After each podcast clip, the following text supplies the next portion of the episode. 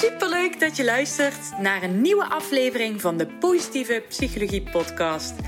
De podcast waarin ik je alles leer over de kracht van positieve psychologie, mijn eigen ervaringen deel en tips geef voor een positievere mindset.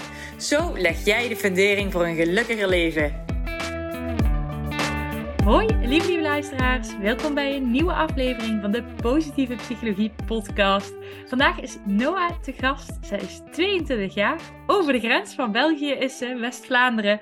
En uh, Noah die heeft mij uh, onlangs een berichtje gestuurd en uh, ze wilde graag haar verhaal vertellen. over andere, onder andere heeft zij last van een eetstoornis, bulimia, perfectionisme, maar ze wil het vandaag eigenlijk vooral hebben over het feit dat ze twee auto-immuunziektes heeft. Uh, eh, PCS en de ziekte van Crohn. En dit heeft onder andere heel veel invloed op haar uh, sociale contacten. En uh, ja, ze vindt het gewoon heel belangrijk dat dit bespreekbaar gaat worden. Nou ja, dan ben je bij mij aan het juiste adres. Welkom Noah. Hallo, hallo. Hallo. Ja. Wat stoer dat je, dat je de stap hebt gezet om daar wat over te vertellen. Ja, um, het is eigenlijk de eerste keer dat ik zoiets doe aan mijn verhaal deel. Want um, tot voor kort was ik eigenlijk heel gesloten daarover en wou ik daar eigenlijk nooit over praten. Ja. Um, maar ik begin meer en meer te uiten naar andere mensen toe. misschien moet ik gewoon een keer beginnen met te vertellen hoe dat alles eigenlijk allee, gekomen is. Ja. dus in het zesde middelbaar heb ik klierkoorts gehad. En uh, is eigenlijk ja, iets waardoor je heel vermoeid bent. En sommige mensen maken dat door zonder dat ze het weten. Maar bij mij duurde dat heel lang. Ik ben echt een half jaar of zo ook niet naar school kunnen gaan. Dat was dus in het zesde middelbaar. Um, en dan hebben ze bijkomende onderzoeken gedaan um, in het UZ in Gent. En dan hebben ze gezien dat ik een ontsteking heb aan mijn galwegen. Dus dat ligt eigenlijk bij jouw lever, heb je jouw mm -hmm. galwegen. En die klierkoorts heeft dat eigenlijk aangetast, waardoor dat er een ontsteking was daardoor. Dus dan heb ik onder andere een leverbiopsie moeten doen en verschillende bloedafnames en zo. En dan hebben ze dus na lang, allee, na lang wachten eigenlijk, ik kan me niet meer herinneren hoeveel tijd dat ertussen was, en, maar dan hebben ze ontdekt dat ik dus een zeldzame auto-immuunziekte heb. Dus primaire scleroserende cholangitis. Dus echt 1 op 100.000 mensen heeft dat. En ik kreeg die diagnose dus op mijn achttiende. Um, ik weet nog dat ik mij toen heel weinig kon instellen, uh, kon, kon voorstellen eigenlijk, wat die invloed daarvan zou zijn op mijn leven. Dat ik zoiets had van, oké, ja, oké, ja, ik heb dat. Maar ik kon me nog niet echt inbeelden wat dat eigenlijk allemaal ging veroorzaken en hoe dat ik me ging voelen en zo. Um, goed, als ik heel hard in detail treed, dan ga ik nog uren blijven praten over het verder Maar dus um, in 2020 uh, eh, kreeg ik dan heel veel last van buikpijn in mijn onderbuik. En dan heb ik dat natuurlijk gemeld aan de professor uh, die mij behandelt. En die heeft dan um, alleen mijn colonoscopie laten doen. Dus dat is een darmonderzoek. Mm um, en dan hebben ze ook gezien dat ik IBD heb, dus inflammatoire bowel disease. Dus dat is een mhm. auto-immuunziekte aan de darmen. Dus dat gaat vaak gepaard met die uh, andere auto-immuunziekte die ik dus als eerste had. Dat gaat vaak samen. Um, en dan, ja, ik had heel veel last van opgeblazen gevoel. Ik, had, uh, ik moest medicatie nemen, maar dat er cortison in zat. Dus mijn gezicht zwelde helemaal op. Ja. Dus ik begon echt zo uiterlijke verschillen te zien. En ik haatte, ik haatte mijn lichaam echt door die auto-immuunziekte. En ik kon het echt niet accepteren, want door die auto-immuunziekten ben je natuurlijk heel vermoeid. Want je lichaam, voor de mensen die niet weten wat een auto-immuunziekte is, want er is daar ook nog heel weinig kennis rond. Um, dat is dus eigenlijk dat je eigen lichaam, zeg maar, antistoffen maakt tegen zichzelf. Mm-hmm. Dus dat is heel uitputtend, want je lichaam is constant aan het vechten eigenlijk tegen goede cellen.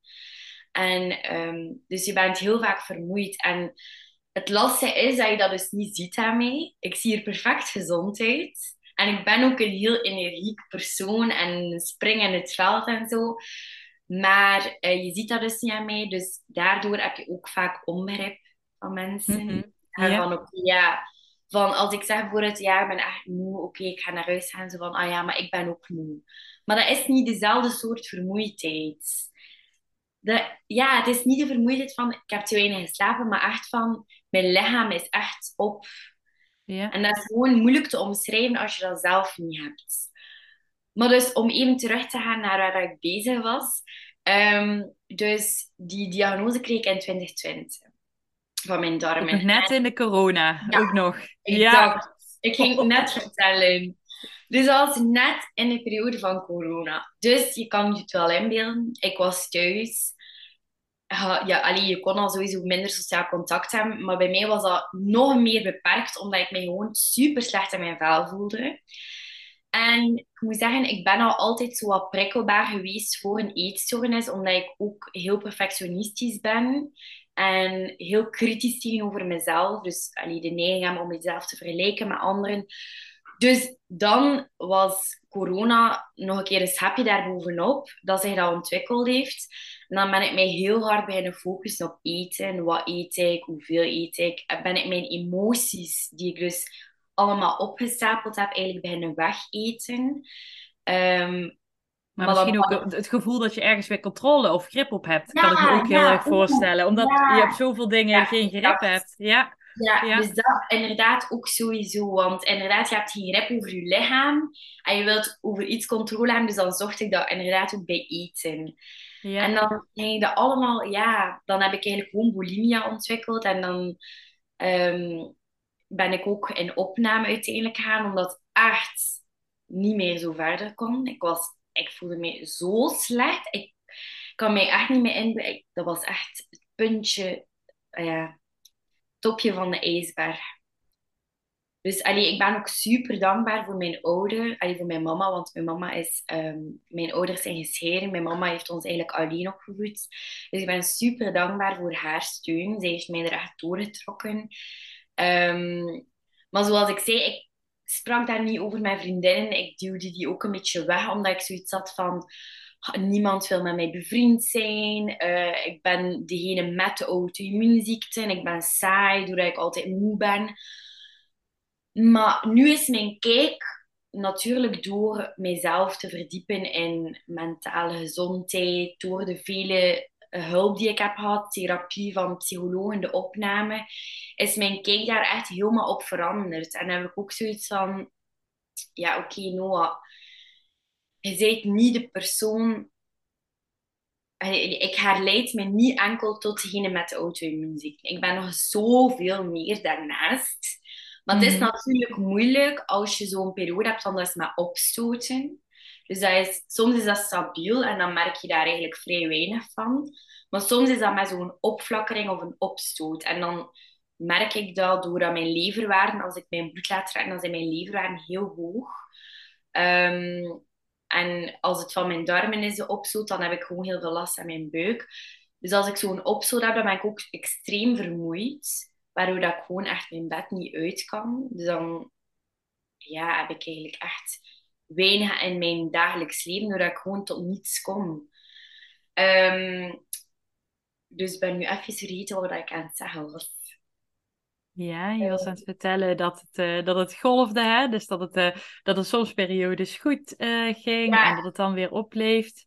Ja, dus dan is dat gewoon heel moeilijk, die periodes dat het niet goed gaat, is dat gewoon heel moeilijk om positief te blijven, omdat je niet weet van wanneer gaat het niet goed gaan, je weet niet wanneer dat er zo'n opstoot gaat komen, je weet ook niet hoe lang dat, dat gaat duren, soms zijn dat maar drie dagen, soms zijn dat twee weken of langer, dus dat is gewoon heel onvoorspelbaar.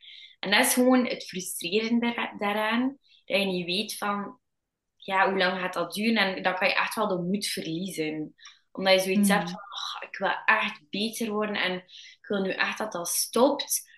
Dus dan heb je echt wel mensen nodig die je zo wat uit die put trekken en zeggen van, allee, hou, kom aan. Want zelf doe ik dat wel deels, maar natuurlijk, ik heb ook wel andere mensen nodig daarin. Want ja, je moet echt heel sterk zijn om jezelf telkens maar uit die put te trekken, eigenlijk. Ja. Ehm, maar ik probeer echt wel positief te blijven en te allee, het heeft mij ergens ook gebracht tot wie ik nu ben. Hè? Want nu ben ik ook zo iemand van, oké, ik geniet echt van de kleine dingen. Ik ben ook meer bewust van het feit dat we niet weten wat andere mensen doormaken. Dus dat we echt wel lief moeten zijn voor elkaar. En ja, ben gewoon daarin superveel geëvolueerd als persoon. Want vroeger, voor die auto-immuunziekte, was ik echt totaal niet zoals ik dat zelf mag zeggen. Ik was Mhm. heel egoïstisch en ik was een beetje een soort van bitchke. Een bitchke. ja, ik was zo... Ik vind dat van mezelf. Ik vind dat van mezelf. Ik was gewoon zo super zelfzeker. En ik had zoiets van, ja... Ik was mij niet bewust van wat er allemaal kan gebeuren, eigenlijk. Dus Ehm, eigenlijk heeft het je bijna een mooier mens gemaakt.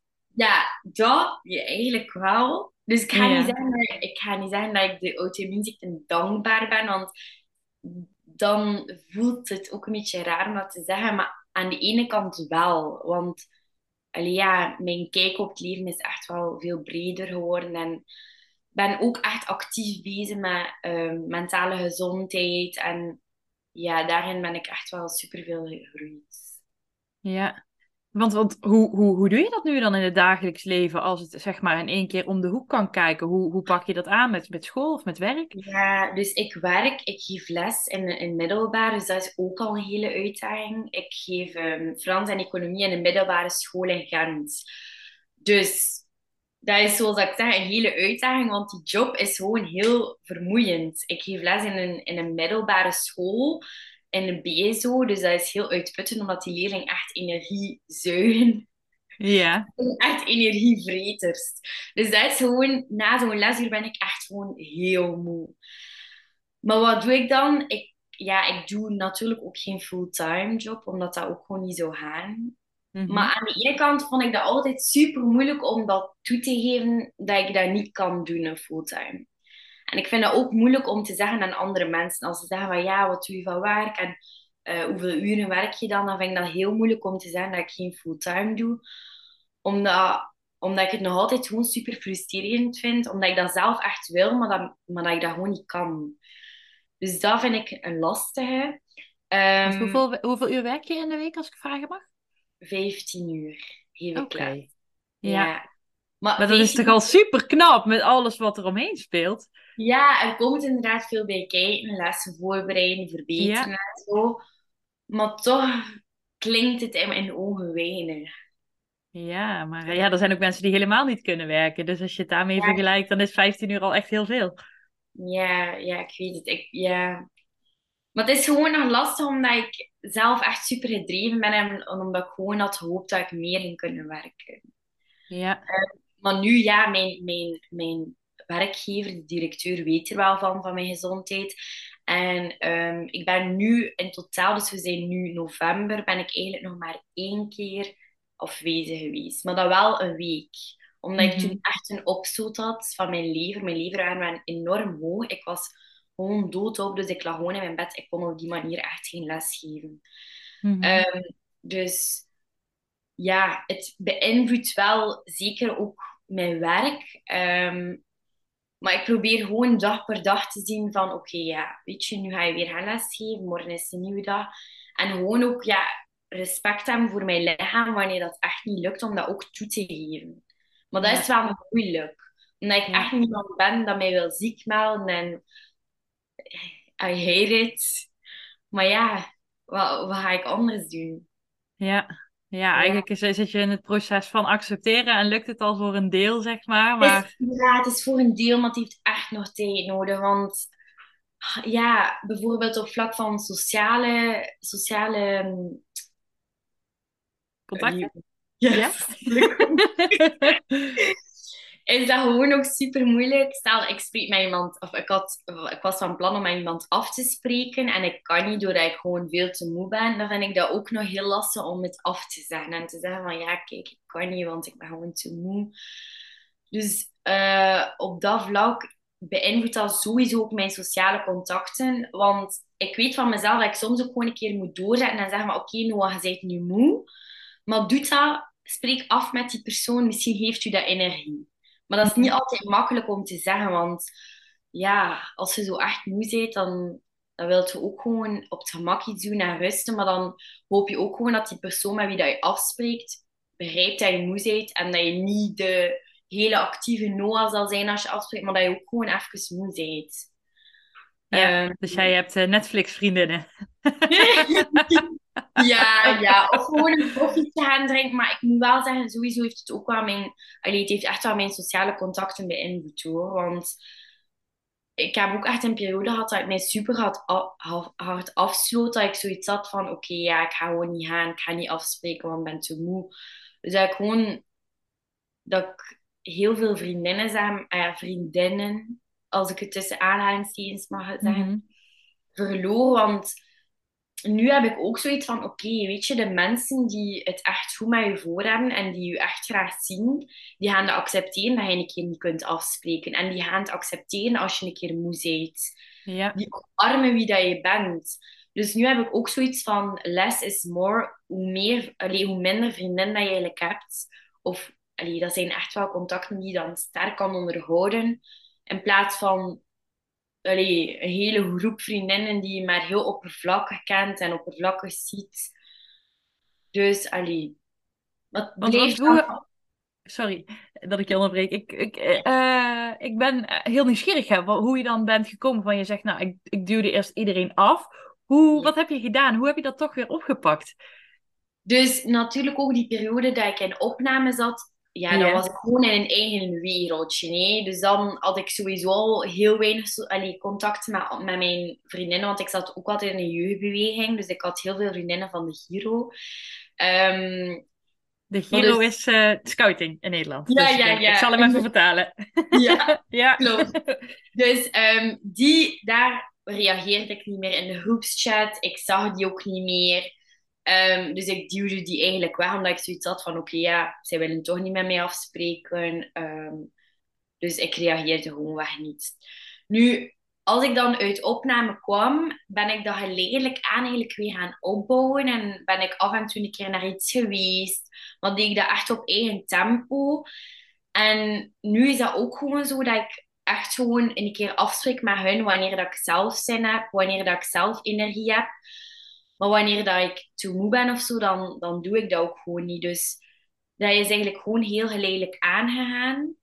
Met respect voor hoe dat ik mij voel en met respect voor mijn lichaam. Um, als dat een beetje een antwoord is op de vraag van u. Ja, zeker. Ja. Um, maar ik ben sowieso ook niet iemand die heel de tijd gaat zitten sturen met andere mensen. Ik, ik heb dan gewoon liever dat ik stuur van op het moment dat ik mij gevoel van oké, okay, hey, ga ik er afspreken, ga ik koffie gaan drinken, dan ben ik zo iemand. Dus ik ben nu echt wel iemand die eigenlijk gaat leven in het nu. Ja. Van hoe voel ik mij op dit moment en wat wil ik nu doen? En wanneer dat mij niet goed voel, leg ik mij erbij neer. En kan ik niet afspreken, ja, dan is het zo.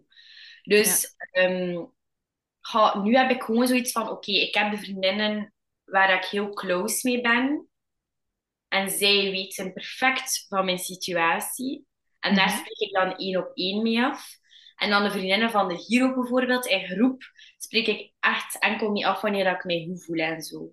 Want wanneer ik mij niet goed voel, dan ga ik gewoon niet in op het voorstel van hun, van we iets doen. Dan ga ik daar gewoon niet op ingaan, omdat ik gewoon niet in staat ben om, om af te spreken met hen.